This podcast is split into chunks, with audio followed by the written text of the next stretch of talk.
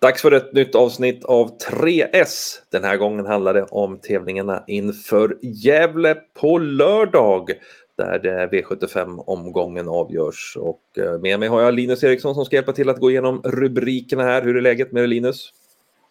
Det är bra. Man, eh, man är ju fullt igång här. Det är ju Winterburst och det är V75 varje dag så vi har att jobba med men eh, vi ligger ju inte på latsidan utan har ju full koll även på lördagens omgång. Mm, det låter härligt. Hur ser den ut då tycker du? Den ser inte den lättaste ut vid första anblick. Vi har väl ett starkt spikförslag vi kommer att bjuda på här men eh, det är några lopp som ser väldigt öppna ut och jag tror det är många spelare som kommer rikta uppmärksamheten mot eh, nyårsafton där den stora jackpotten är och då kan man säkert göra en del fynd på lördagen också.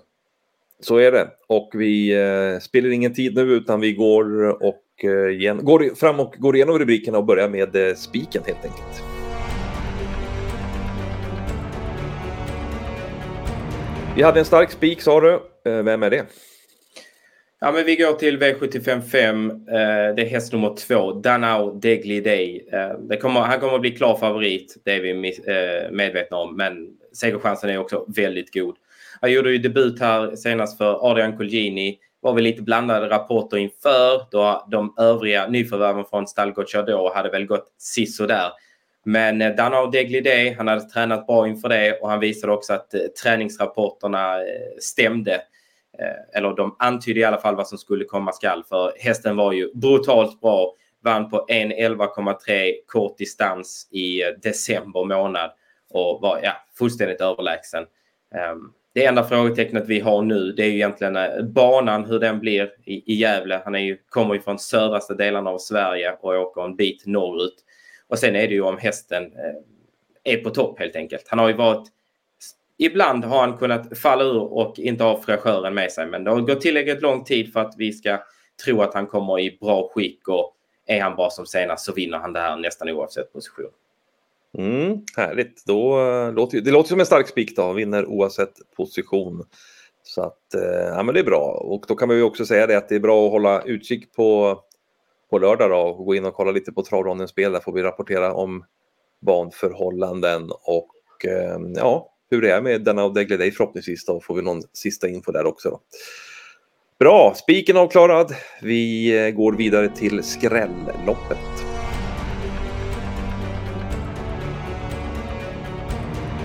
Då hamnar vi som så många gånger förut i ett diamantstorförsök med eh, fullt fält och eh, voltstart. Så att, eh, ja, det är skrällbetonade lopp den här gången och det är alltså V75 6 vi talar om.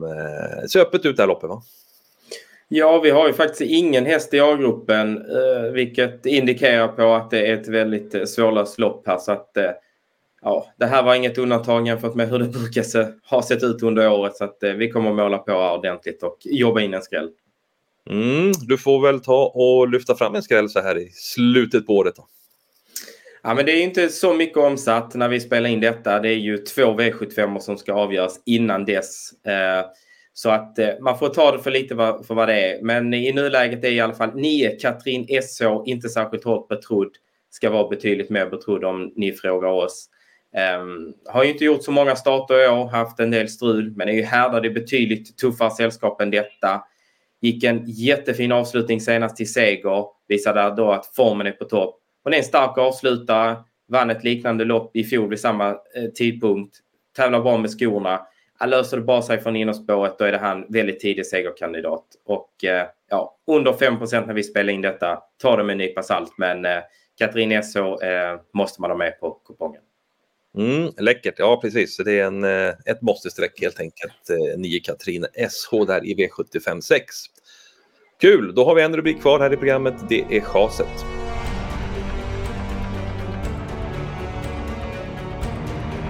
Då är vi framme vid den här rubriken som heter chaset. Vi eh, kommer hitta en häst i V75 3 där som, eh, som vi chasar helt enkelt. Eh, du får väl berätta lite om loppet här och vem det är. Ja, men vi börjar med att säga återigen, det är precis som med skrälloppet. Man får ta det för vad det är här med streckprocenten.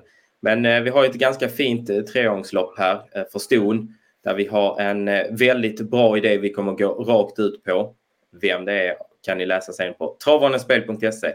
Men det är en häst som har fått eh, lite för mycket streck av de tidiga spelarna i alla fall och som vi inte kommer gå på då så att säga utan som vi chasar. Och det är fyra Selective Calling. Kommer visserligen från en seger och eh, såg fin ut vid den. Visat fin uppfattning här nu på sistone och verkar vara lite under utveckling. Men hon möter betydligt hårdare hästar nu. Vi har ju jämförelsevis en sådan häst som ett Frustration som har spelat på mindre procent än vad, henne, vad hon är nu och har tjänat 2 miljoner kronor. Så att äh, fyra Selective Calling till över 10 procent. Det är ingenting vi kommer att betala för utan äh, den chasar vi lugnt. Och som du sa, vi har ju en eh, betydligt bättre idé här som vi tänkte gå rakt ut på. Så att, eh, missa inte det, gå in och kolla på det.